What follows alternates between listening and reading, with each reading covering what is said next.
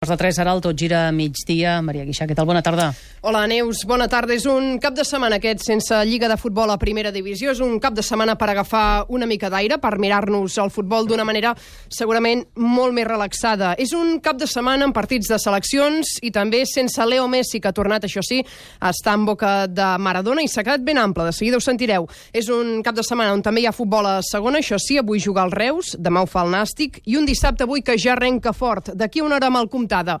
El Barça d'handbol té partit de Champions, juga a la pista al Brest de Bielorússia abans de viatjar cap al Mundial de Clubs al Qatar. També avui jugar el Freaking Granollers. Un dissabte de bàsquet de Lliga ACB amb Manresa i amb Barça protagonistes, el mateix dia que també engega la Lliga Femenina amb tres equips catalans. I també en clau d'esport femení, dissabte de final, la d'europeu d'hoquei patins entre Portugal i Espanya amb set jugadores catalanes. Esports a Catalunya Ràdio, tot gira migdia, des d'ara i fins les 3, sintonia, i comencem.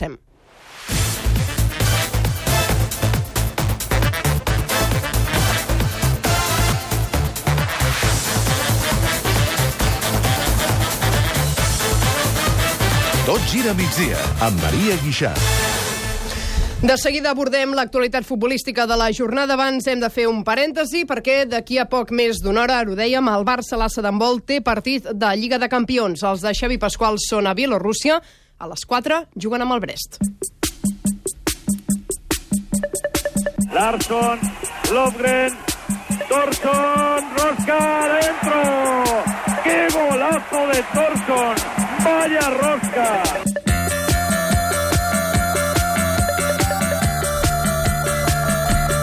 Oriol Rodríguez, bona tarda. Bona tarda. El partit d'avui, aquest que comença a les 4, és el previ a la Superglob, aquest Mundial de Clubs que diem, que els blaugranats tot just ja juguen a arribar i moldre, com qui diu, la setmana que ve. Sí, a Qatar el Barça defensa el títol aconseguit la temporada passada. De fet, els catalans han de fer 15.000 quilòmetres, 15.000 gairebé a la volta al món en 8 dies, ja que avui fan nit a Varsòvia, 3 hores de Brest per carretera i demà han de viatjar fins a Qatar.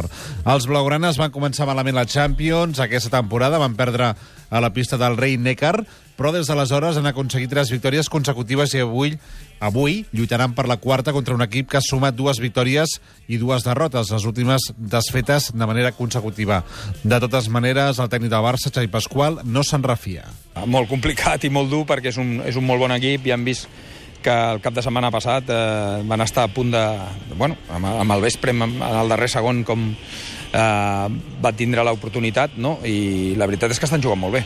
El conjunt bielorrus l'entrena Manolo Cadenas, és un ex de la banqueta blaugrana. Pasqual diu que han de fer el seu joc per poder tirar endavant la victòria. Nosaltres no tenim cap sorpresa per ningú, farem el nostre partit, el que nosaltres creiem que hem de fer, i el nostre posat és el que és, eh, independentment de que sigui el rival. Evidentment, sempre hi ha adaptacions a situacions eh, que, que, que et pugui plantejar l'equip contrari, però en principi jo crec que veurem el Barça de sempre.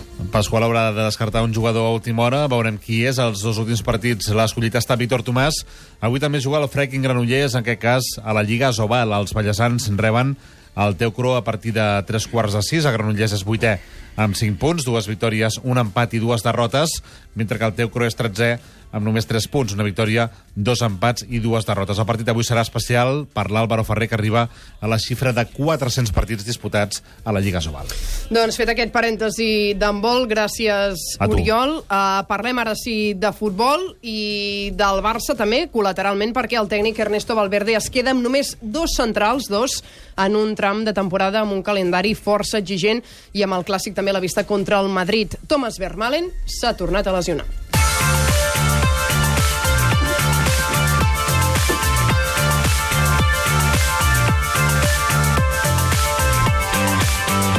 El central belga l'acompanya aquesta espècie d'àurea de, de jugador de vidre, perquè de fet des que va fitxar del Barça pràcticament mai s'ha pogut treure aquesta etiqueta de sobre. Albert Benet, bona tarda. Hola, Maria, bona tarda. És l'enèsima lesió, hem de parlar de- d'aquest jugador belga, que deixa, ho dèiem, eh, el Barça en una situació ara mateix delicadíssima. Si ho deies, amb només dos centrals, són Piqué i Lenglet. Un tití també està lesionat, està pendent de saber si ha de passar pel quiròfan. Fermalen va notar una punxada en la zona posterior de la cuixa dreta després de fer una passada en una acció aparentment sense risc al minut 26 de la segona part del Bèlgica-Suïssa. Va ser una passada una mica forçada després de lluitar amb un rival. Això sí, Fermalen va ser titular en la defensa de 3 belga per la lesió de Bertongen. Pendent de proves mèdiques que confirmin què té exactament Fermalen, l'alarma ja s'ha encès a Can Barça, donat l'historial de lesions del jugador i tenint en compte també el calendari que té per davant l'equip d'Ernesto Valverde. D'entrada, el Barça-Sevilla, diumenge de la setmana que ve, quan es reprengui la competició de Lliga, i després partit de Champions contra l'Inter i clàssic contra el Madrid, d'aquells partits que estan subratllats amb rotulador i amb majúscules al calendari. És aviat per dir-ho, però si es confirma que hi ha trencament fibrilar, podria estar entre dues i tres setmanes de baixa i, per tant, Valverde no tindria recanvi per Piqué i l'Englet. Qualsevol contratemps l'obligaria a improvisar o a recórrer al filial.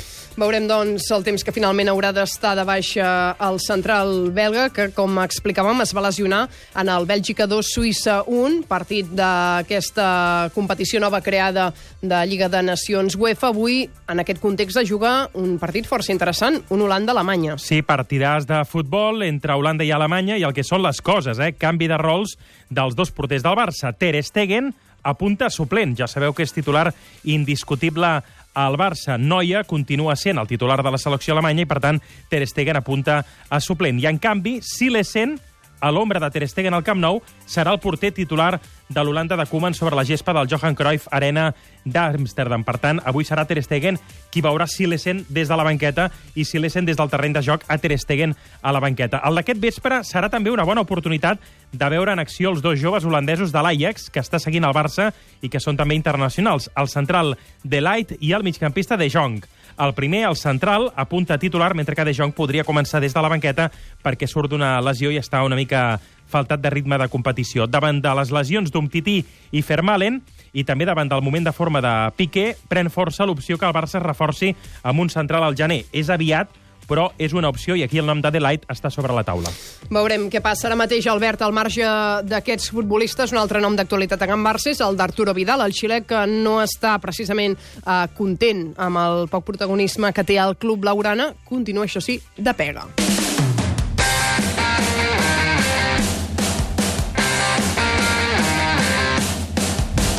I diem de pega perquè a nivell de resultats, tampoc amb la seva selecció amb Xile no l'acompanyen els resultats favorables. Aquesta matinada, hora catalana, Xile ha perdut contra el Perú i, a més a més, Albert de manera contundent. Sí, eh, per 3 a 0 i contra una selecció Perú que, en principi, sobre el paper a priori, és més dèbil que la Xile d'Arturo Vidal, el futbolista del Barça, jugant als 90 minuts, un Arturo Vidal que relativitzava aquesta derrota després del partit. No, ten cuidado cuando es dolorosa, no estamos jugando la vida, no es un campeonato, es un amistoso, no le pongas tanto tampoco.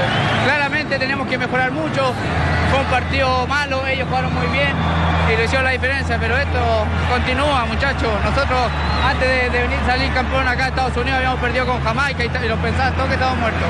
És Arturo Vidal, que ha completat tot el partit amb Xile, cosa que encara no ha pogut fer el Barça des que va fitxar procedent del Bayern de Múnich. Arturo Vidal encara no ha jugat cap partit sencer amb la samarreta del Barça. Busquets, Rakitic i també l'eclusió als últims partits d'Artur li barren el pas de la titularitat. Rakitic, precisament, va jugar ahir al Croàcia 0, Anglaterra 0, un partit que es va jugar a porta tancada. També ahir el Brasil va guanyar l'Aràbia Saudita de Pizzi per 0 a 2 amb Coutinho de titular i amb Artur substituint-lo a la segona part. Malcom, com li passa al Barça, no va jugar ni un minut. El d'ahir va ser el partit previ del Brasil abans de jugar dimarts al Clàssic contra l'Argentina, un partit amb una gran absència, la de Leo Messi. D'aquesta absència n'ha parlat el seu excompany al Barça i amic de l'argentí, el brasiler Neymar. Va a faltar Messi, no solo Messi, como Di María también va faltar, pero bueno, son jugadores que, que tienen mucha calidad. Messi es increíble. Eh, aquí al monte de, fútbol va, va, a echar de menos, ¿no? Pero, pero bueno, nosotros tenemos que hacer nuestro papel, nuestro fútbol. Declaracions de Neymar després del partit discret, tot i la victòria del Brasil amb gols de Gabriel Jesús i Alexandro. També en l'àmbit de futbol de seleccions, aquest matí el Mònaco ha fet oficial el nomenament de Thierry Henry com a nou entrenador en substitució de Leonardo Jardim, el fins ara segon entrenador de la selecció de Bèlgica i exjugador del Barça, agafa un equip en posició de descens, haurà de fer, per tant, de revulsiu i d'aquesta manera Henry torna al club en què va començar com a futbolista. Em quedo amb un nom del que ara parlaves, el de Leo Messi. És obvi que jugui o no jugui l'argentí, continua acaparant protagonisme. Estem molt acostumats a rebre elogis, a explicar elogis a l'argentí, però quan Messi, en canvi, rep alguna garrotada, eh, també és una mica inevitable passar-ho per alt. La garrotada ha vingut ni més ni menys que de Diego Armando Maradona, amb aquesta mena de relació, podríem dir, d'amor-odi que es tenen. Eh, Maradona manté amb Leo Messi un estret lligam, però això sí, avui li ha fumut fort, no? Sí, eh, s'ha quedat a gust, s'ha quedat despatxat Maradona, que ha dit a Fox Sports Mèxic que Messi és el millor del món amb el Barça, però que, en canvi, amb la selecció argentina és un mes. Ho ha dit així textualment. I l'equipara amb Cristiano Ronaldo. De seguida el sentiu. Arrossegant la veu i amb la mirada perduda, Maradona ha atacat Messi sense miraments. Es inútil eh, querer hacer caudillo a un hombre que va 20 veces al baño antes del partido.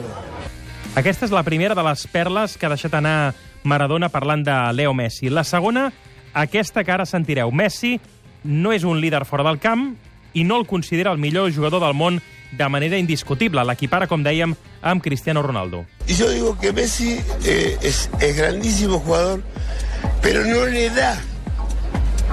No le da, hermano. En decir, tráeme aquel, tráeme aquel, tráeme aquel, tráeme aquel. No, se va a jugar a la PlayStation antes de, antes de hablar. Antes de hablar. Ahora en la cancha sí, él la pide, la quiere, la busca. Quiere hacernos felices a nosotros. Es el mejor, para, Diego, para, para. ¿Es el mejor jugador del mundo? Eh, junto a Ronaldo. I per acabar, i per reforçar el seu punt de vista, Maradona afirma sense embuts que Messi és un més amb l'Argentina, que no mostra a la selecció la mateixa versió que amb el Barça. No lo entusiasmo más. Messi es Messi jugando en el Barcelona y Messi es Messi jugando en la selección argentina. O sea que queda claro, el número uno es allá con esa camiseta y cuando juega con la selección Queda, es uno más. queda Es claro...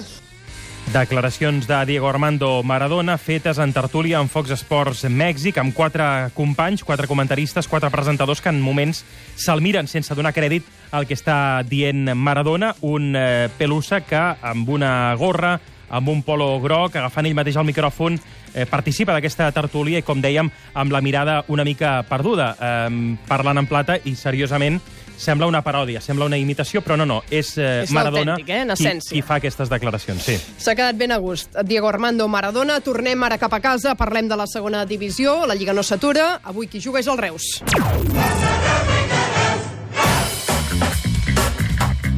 Un Reus que s'ha desplaçat fins a Astúries per jugar a les 6 de la tarda al Molinón, un partit que al Tot Gira seguirem amb el Xavi Palau, que ja és a Gijón. Xavi, bona tarda. Què tal, Maria?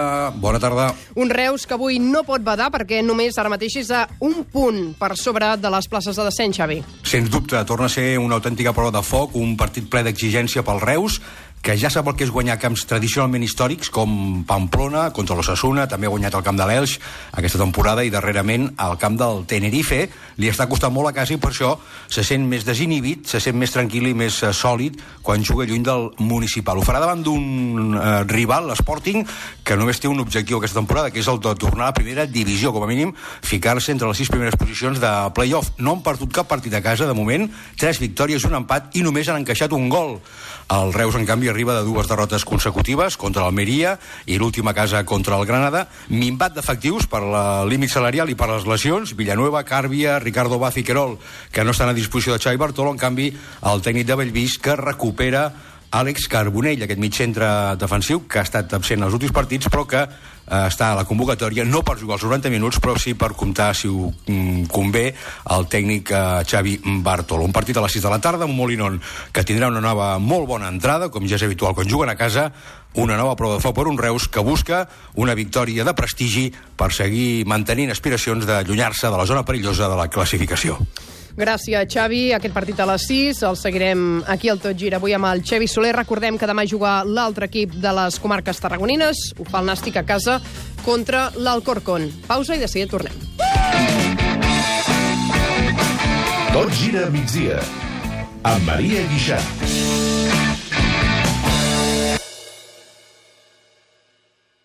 Guixà. U-Power és el calçat de treball revolucionari que torna més del 55% d'energia en cada pas. No t'ho creus? Vine i experimenta la tecnologia d'Infinergy. Et donarà una sensació de benestar que mai vas sentir abans. T'esperem perquè provis les nostres sabates de treball en tots els punts de venda de U-Power. Què estàs esperant? Troba'ns a upower.it. Hi ha preguntes que només troben resposta dissabte a la nit. Preguntes freqüents amb Laura Rossell, al TV3, aquesta nit. A la metròpolis Barcelona hi passen moltes coses, més de les que pots imaginar. Escolta'ns els diumenges al suplement.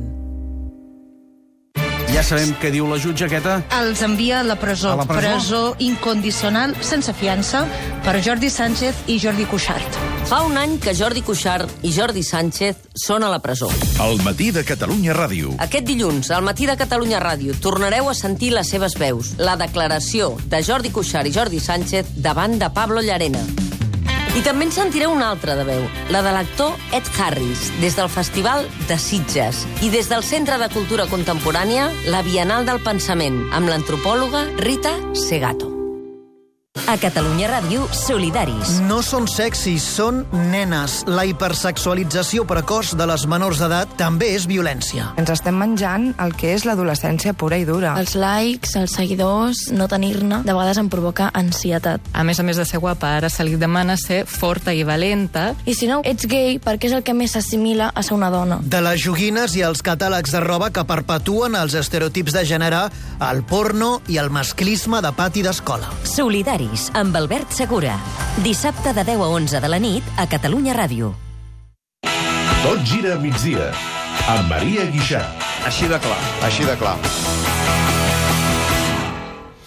Passa un minut i mig de tres quarts de tres de la tarda. Avui comença la Lliga Femenina de Bàsquet.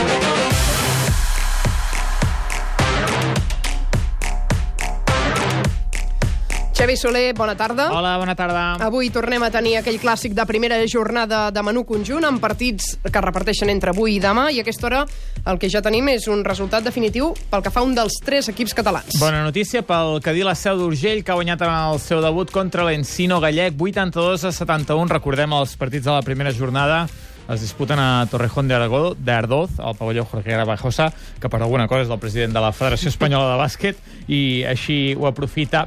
11 punts de diferència de l'equip de Bernat Canuc, amb Merin Kraker, la nord-americana, 23 punts, màxima notadora, Llorena Díaz, 15, Georgina Vier, 14, com els millors, com les millors de l'equip català, un que la seu pràcticament amb la base, la mateixa base de la temporada passada, de fet, les tres màximes anotadores ja hi eren l'any passat, i amb uh, l'opció segur d'entrada de salvar-se i després d'intentar classificar-se per playoff, que recordem que aquest any seran els vuit primers qui disputaran els playoff. Fins demà no jugaran els altres dos equips a partir d'un quart de dues.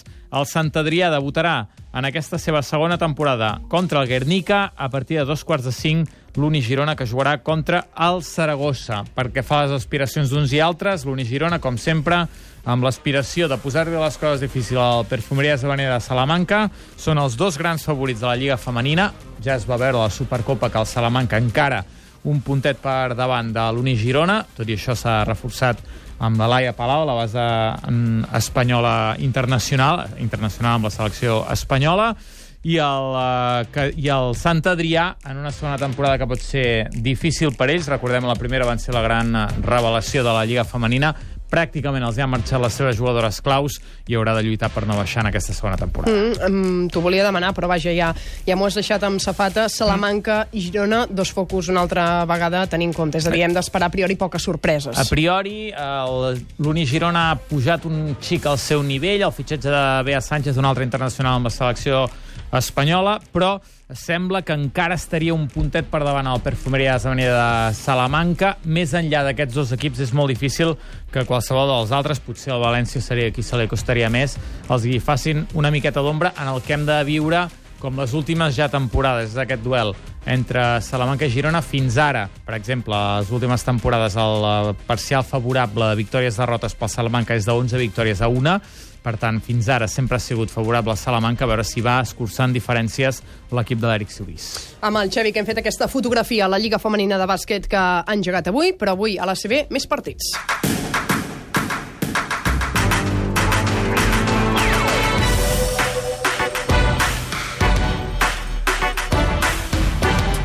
Avui dissabte juguen dos dels tres catalans de la CB, juguen Barça i Manresa. Els del Bages ho fan aquesta tarda a Andorra, on ja hi tenim col·locat l'Ernest Macià, que és amb qui seguirem aquest partit. Ernest, bona tarda. Hola, Maria, bona tarda. Serà un partit especial amb molts al·licients, però sobretot diem especial per una persona, pel tècnic del Baxi Manresa, que avui torna també amb una pista carismàtica i podríem dir també amb el seu club talismà.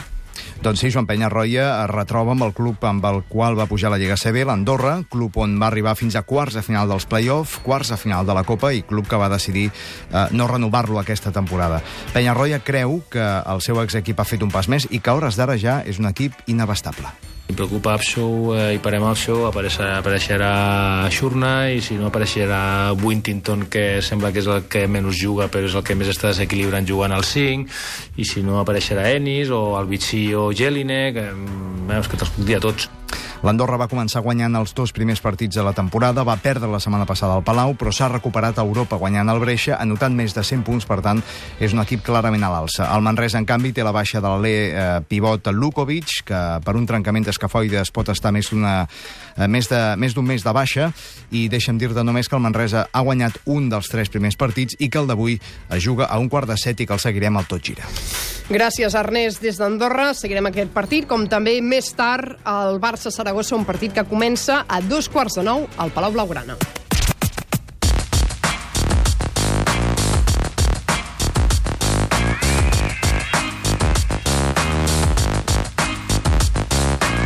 I Xevi serà també un partit interessant, sobretot pel Barça, per intentar recuperar sensacions post-Eurolliga. Sí, de la derrota de 20 punts a la pista del CSK va coure molt l'equip de Svetislav Pesic, tot i això, i en clau de Lliga CB, l'equip blaugrana està invicta, ha guanyat els tres primers partits i avui, com apunta el seu pivot Pierre Oriola, és un test important per retrobar amb el seu millor bàsquet.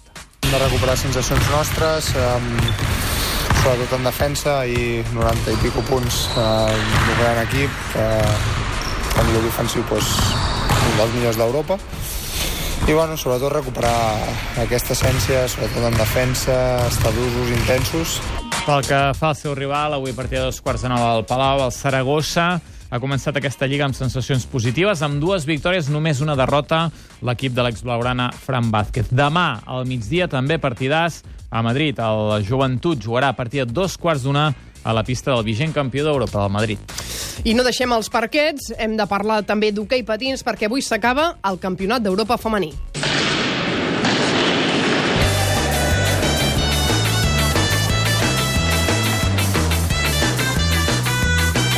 Jogo vai terminar vitória da Espanha por 10 a 2. A Espanha volta às vitórias, ou seja, mais um jogo, mais três pontos, a somar àqueles que já tinha conquistado. Cá está, marxa do marcador.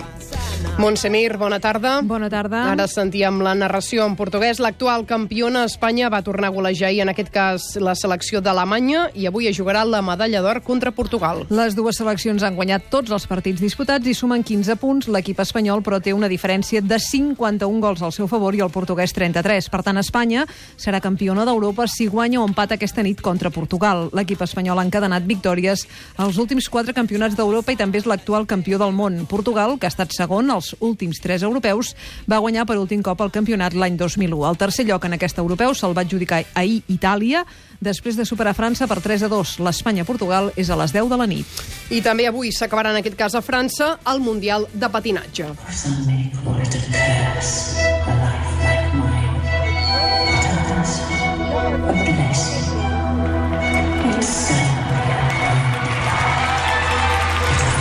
Aquesta música que sentiu és de la coreografia que s'anomena Sense opcions, del Club Patinatge Artístic Olot, que és el gran dominador de la modalitat de grups de show grans. Avui, Montse, l'equip Garrotxí torna a ser el favorit. Sí, tot i que el Girona, que es va estrenar fa 3 anys en les competicions internacionals, també té un gran nivell i, de fet, aquesta temporada l'ha superat, el Campionat d'Espanya que es va fer pel març. A més, hi ha dos grups italians que també lluitaran per la victòria. L'Olot és l'actual campió d'Europa i del món i, de fet, ha sumat un palmarès més que envejable als últims 15 anys. 11 mundials, 12 europeus i 14 campionats d'Espanya. L'últim, com dèiem, el va perdre precisament davant del Girona. Serà el penúltim a competir avui, mentre que la competició la tancarà el Girona amb la coreografia Here I Am. A més, en la modalitat de grups de show grans, també hi participa el Reus, que amb Once Upon a Time serà el que inaugurarà la competició quan faltin 5 minuts per un quart de vuit. En l'especialitat de, de quartets, aquesta tarda l'únic representant català és el Lliçà de Vall. I en l'aspecte individual també hem de ressaltar un nom, el del cardoní Pere Marcinyac, que hi va pujar per primera vegada en un podi en un Mundial Sènior. Va guanyar la medalla de plata amb totes les puntuacions per sobre de 9 i amb 2 9,7 en impressió artística. Marcinyac va ser quart l'any passat al Mundial de la Xina. L'or en aquest europeu va ser per tercera vegada consecutiva per l'italià Luca Lucaroni. 5 minuts i les 3 de la tarda, ciclisme, el tot gira migdia.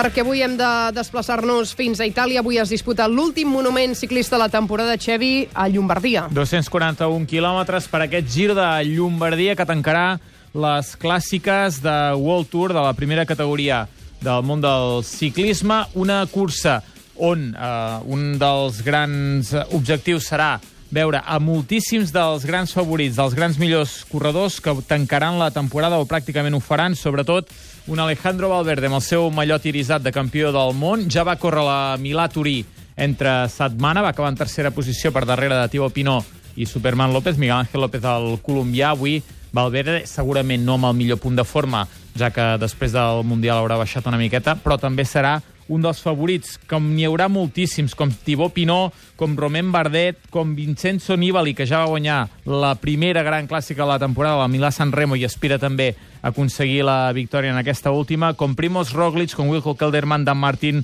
Bauke Molema, Michael Woods o Ilnur Zakarin. Tots aquests són els grans favorits. També tenim presència catalana amb tres corredors, dos al Movistar, amb Marc Soler, segurament no en el seu millor punt de forma, el va tenir just abans del Tour i en aquestes últimes eh, curses que ha disputat no està fent bons resultats, i Antonio Pedrero, i el que tindria més opcions és un David de la Cruz de l'equip Sky, que juntament amb Egan Bernal seran els dos cap de fila. 55 quilòmetres ara encara per l'arribada, una escapada de quatre corredors sense noms importants, però el gran grup que està a poc més d'un minut i d'aquí sortirà el guanyador, recordem, els últims quilòmetres, els més durs, amb les màximes dificultats orogràfiques i, per tant, encara està tot per decidir en aquest últim monument de la temporada. 3 per les 3, Waterpolo.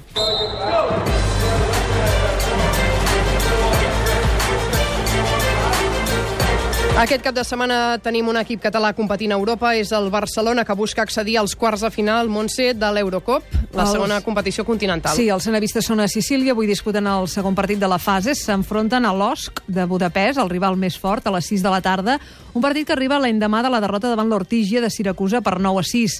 A l'equip sicilià hi juga el català Albert Espanyol, que hi va fer un gol. Avui els barcelonins s'enfronten, com dèiem, els hongaresos, que descriu el jugador senavista Eric Marsal. Tenen un equip que marca una mica de diferència en aquest grup. Són, evidentment, els favorits. Eh, a nosaltres ens condiciona, bueno, bàsicament amb el cansanci, perquè ells han tingut eh, un partit contra els croates, contra el Monar, de un avantatge de marcador bastant més àmplia, llavors això els donarà una mica més de comoditat. Però bueno, nosaltres no tenim cap pressió, nosaltres no tenim res a perdre, ells són els favorits, llavors és una altra batalla. El Barcelona tancarà demà la fase davant el Mornar Split. Els dos primers classificats accediran a la ronda de quarts de final. I també Montse avui en Waterpolo comença la Lliga Femenina, ho fa en presència novament majoritària d'equips catalans. De 10 equips, 7 són catalans i el Sabadell es torna a perfilar un any més com a candidat al títol. Una de les jugadores de l'equip ballesà, Bea Ortiz, reconeix que aquest any no considera que sigui tan gran l'hegemonia sabadellenca. Sant Andreu té un equip molt fort, la veritat és que crec que pot ser molt, molt xulo, no? D'una manera, competir amb equips com el Sant Andreu, jo crec que el Mataró s'acabarà reforçant bastant, el Medi s'han reforçat, de, de tenir una lliga més igualada, una lliga més, més competitiva. Ja s'han jugat dos eh, partits, Mediterrani 20, Moscardó 4 i Sabadell 15, Mataró 6. A les 4, Terrassa Sant Andreu, a les 5, Sant Feliu Saragossa i a les 6, Rubí Concepción.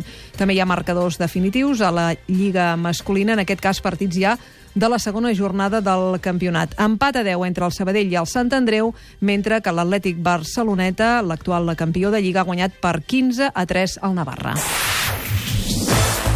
30 segons per les 3 de la tarda. Acabem amb un apunt de tennis per destacar que el serbi Novak Djokovic, número 3 del món, s'ha classificat per la final del Masters 1000 de Xangai després de superar l'alemany Alexander Zverev, el cinquè del món, en dos sets, 6 a 2 i 6 a 1. Zverev se'n va de Xangai havent confirmat, això sí, la seva classificació ja matemàtica per la Copa Masters de Londres, que reunirà al novembre els 8 millors tenistes del món. Amb tennis posem punt final al Tot Gira migdia. Nosaltres hi tornem avui a les 5 de la tarda amb el Xevi Soler al capdavant del Tot Gira. Adéu-siau, bon dissabte.